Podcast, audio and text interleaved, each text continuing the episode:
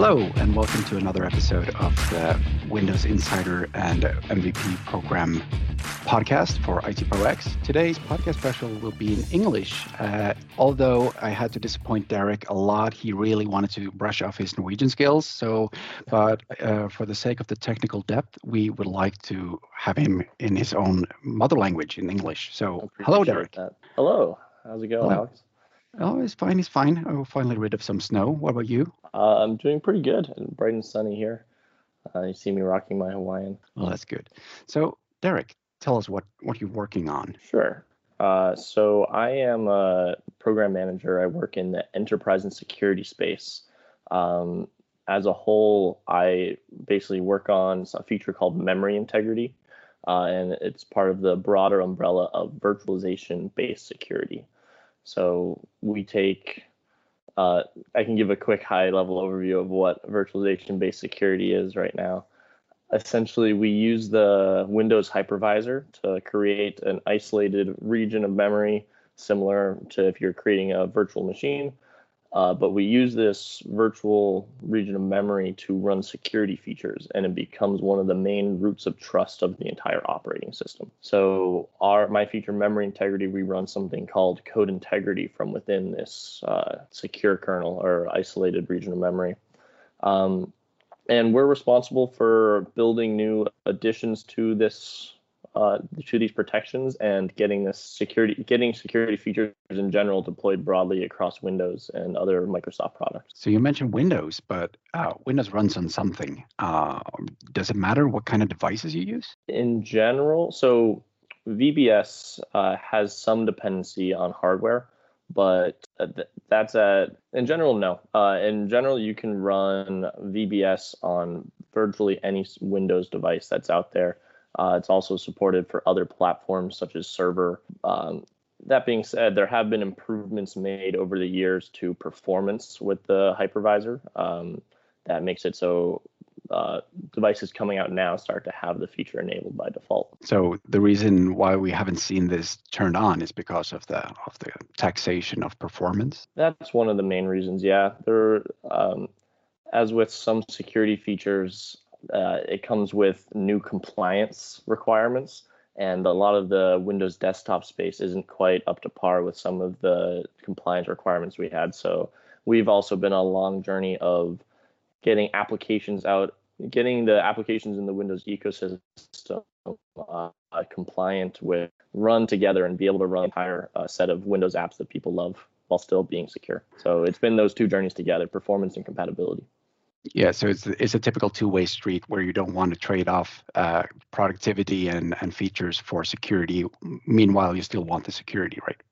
Yeah, exactly.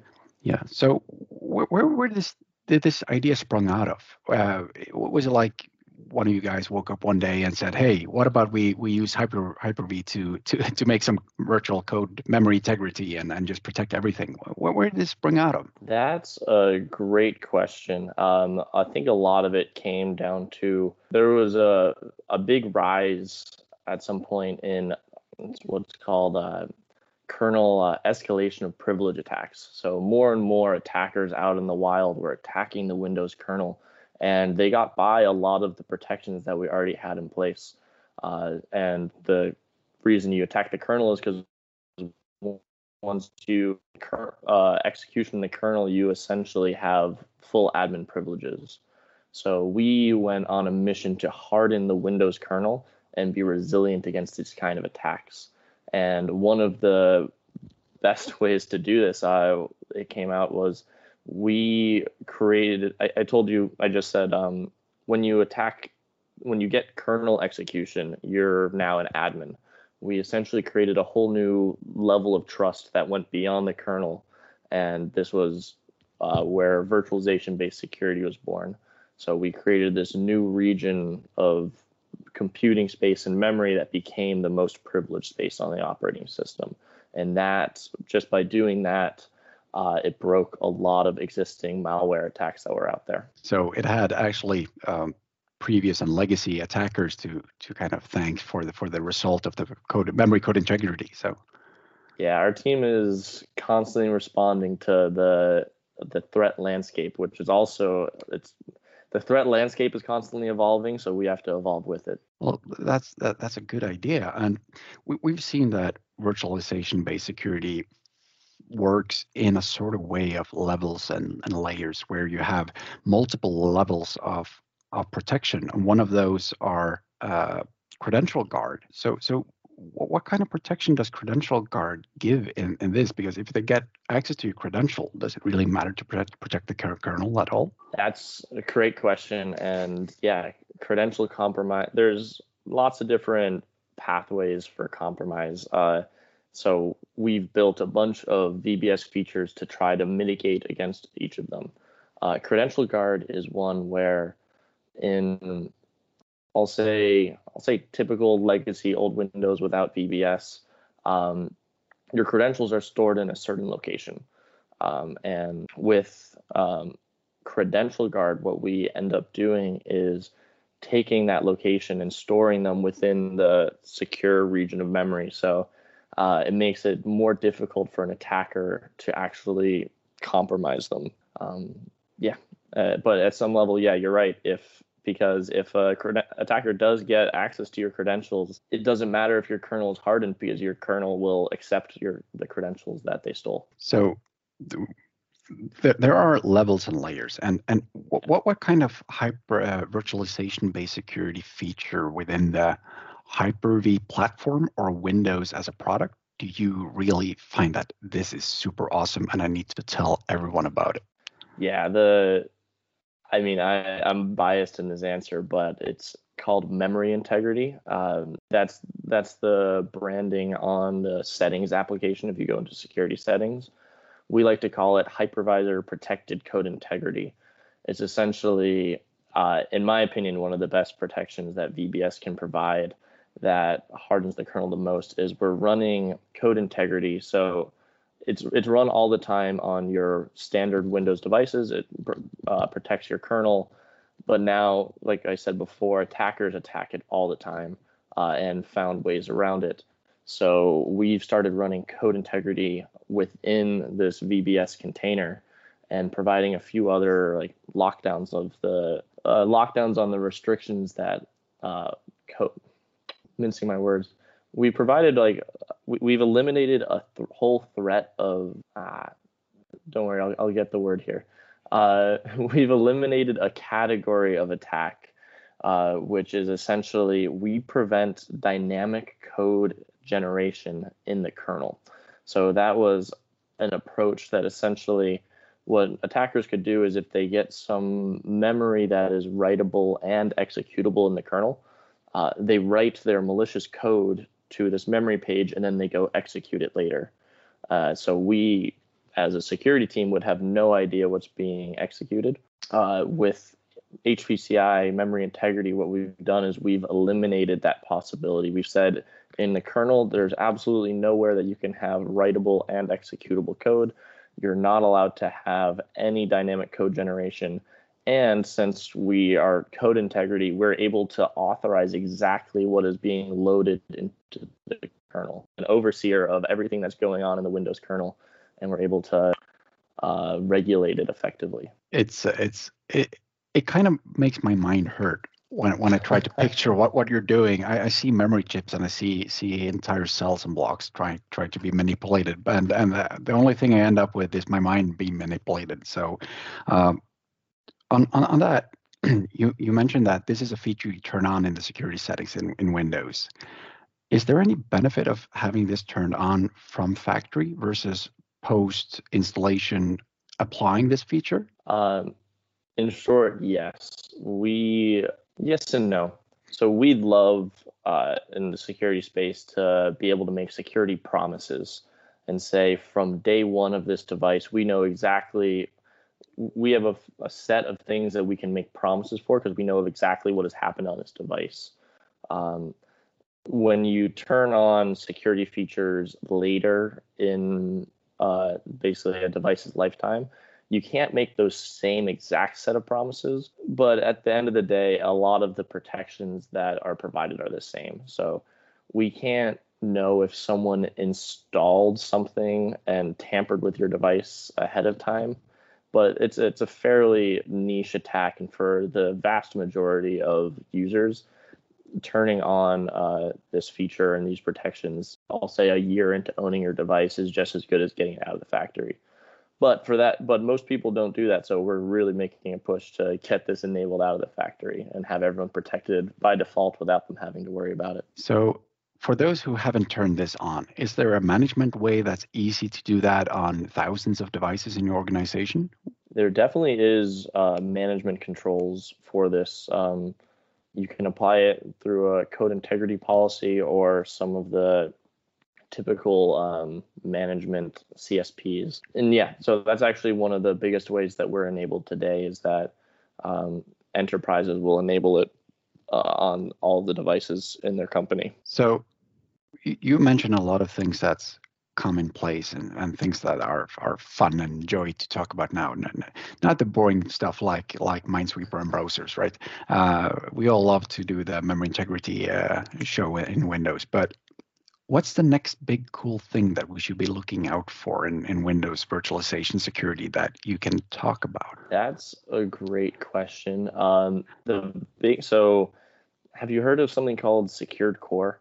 Um, it's it's a branding that we're putting on uh, these new line of devices that have most uh, basically all of our hottest new VBS features enabled by default with the big one that we haven't talked about yet being something called firmware protection. Uh, that's what it's called in the settings app. So if you go into settings, uh, your device security settings, and you see a toggle for firmware protection, toggle that on. Uh, that one is actually very hardware specific and is only on the latest new hardware. So most of your listeners might not see it if they go into that app. But uh, what that is really trying to do is ensure so HVCI memory integrity protects you uh, from the moment the OS starts to boot. Um, and we we rely heavily on something called secure boot to ensure that chain of trust of boot is ensured. Uh, firmware protection really uh, takes next steps to ensure that the firmware code that's executing uh, isn't tampered with either.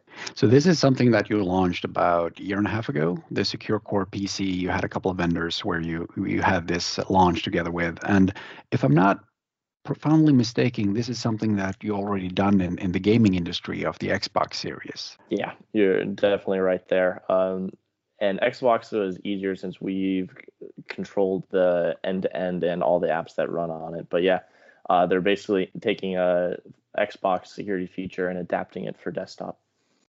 So going from firmware to secure boot to uh, memory integrity, credential guard, and then you have the most scary thing of all running on your on your PC, and that's the browser, right? Yes. Yeah. Uh, browsing is where people can fall into traps. Yeah.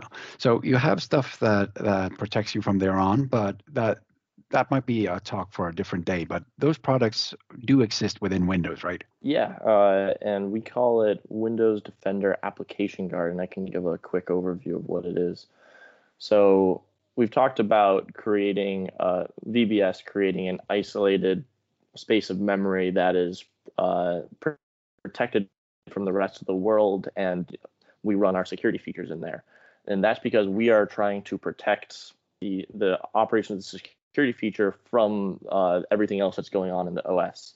Now, with Windows Defender Application Guard, we're kind of flipping that a little bit, and now we're create, spinning up a new container with the hypervisor, and we're running the scary, untrusted browser within that container. So then we running day to day in the operating system are protected from whatever might be happening in the browser. So uh, if you click on a bad link that immediately will install some malware, uh, that malware will maybe run, but it's going to run inside of a container that that can't touch you. Um, and then if you do end up downloading files, it gets downloaded as untrusted files. Um, and you're perfectly able to go in and copy and paste those over to where you want to actually use them but we we call it out like hey you really should double check uh, before you run this file yeah and and there you have a great different security features some some call it development tool i call it security tool and that's the windows sandbox so you can take those uh, downloaded files, copy them into the sandbox, and make it implode. Yeah, exactly. Yeah. Uh, yeah. Go ahead. I, I, I can't. I don't have too much to comment on for the sandbox. It's a wonderful tool, but I don't play with it, or I don't personally build too much with it. Yeah. Um, so if there's anything we could do to try out these features, so of course there's probably less you would like to do than recommend people to try to hack their firmware. But if we want to try out and see that credential guard is working and see how how it's running on your device and to see that hey it's actually turned on is there any tools guides services anything we can look for and say hey we have this feature enabled we are protected so a few places you can look uh, the first one that pops into my head is something called ms info 32 if you type that into your Windows search bar, it pops up a list of all of these features you have enabled. Uh, down at the bottom, like there's a couple of lines that say virtualization-based security features and protections and what's configured and running. Um, and you might see a list there. Like currently, if I go to that, uh, it says credential guards running. I have uh, HVCI running, VBS is running. Um, but that would be the most immediate place. Uh, I agree. I am not going to recommend that you uh, download any malware to test out whether Credential Guard is working. Uh, we've done it. There's definitely things out there that you can test with, but I, I, won't provide the pointer here. Uh, well, uh, uh, probably safe to do that. this goes under the section "Do not try this at home." Yeah, exactly. Yeah. So, uh, is there anything else you would like to share with us tonight? Um, I don't have any uh, main points to hit. Uh, just other than that, like if you're curious about these features, uh, highly recommend going into your device settings app. If you type in core isolation in the taskbar, uh, it'll pop up a settings page. And core isolation is our term for virtualization based security. So everything that we are developing for VBS will pop up there. And if it's possible on your computer, you can hit the toggle and it'll turn it on. I need to say that I'm so, so sorry because I just did that and memory integrity is not enabled. So yes. I I just did a screenshot of that and I will turn that on. So if I, if if something happens and I'm leaving this call, we know why. Yeah. And actually, uh, one other point that I can uh, have there, I mentioned at the beginning about compatibility. Um, so if you, you, do hit that toggle, you don't need to do it now. Uh, a scan will run on your device. And what it's essentially doing is checking to see if you previously installed any software that wouldn't work with memory integrity on. So if we detect that anything you have installed isn't going to work with memory integrity, uh, we take a step back and say, hey, sorry, we're not going to turn on the feature. Um, technically, there are ways around that. Uh, if you like, if you're uh, enterprise management, you want to force it on, but then if you do that, the app might stop working. So just calling that out as that's a possible thing. That's by design. We're saying it's okay. We value your apps working that you like. Is that typical applications and software, Win32 applications, or is that typical drivers? Because I've seen some headsets, especially, especially the Jabra headset that I'm running, have caught me some issues in, in previous years. Yeah, good call out. It's the drivers is really what it is. So it could be a Win32 application, but it's really the drivers that the application brings along with it. Uh, and they're all kernel mode drivers that might be doing uh, they might be doing something funky, or realistically, 90% of the failures out there are just old drivers that haven't checked a few boxes and are, um, and I'll say they're HLK signing, um, which is so basically one of my missions is to go reach out to all of these drivers that are failing this check. So every time um, if you do encounter an issue, I recommend submitting it through Feedback Hub and also reaching out to the driver manufacturer, just sending them a ping saying, hey, you're blocking me from turning on a security feature. Uh, it makes my job a lot easier. Well, I will make your job a lot easier tonight. Thank you. So, on that, uh, go out and try out and, and um, enable the, the features that we've been talking about, the credential guard, the memory integrity. Try those out. And um, on that, thank you so much for sharing those insights with us, Derek. It's been super helpful and super interesting. Yeah, thank you for having me. All right, so bye. Bye.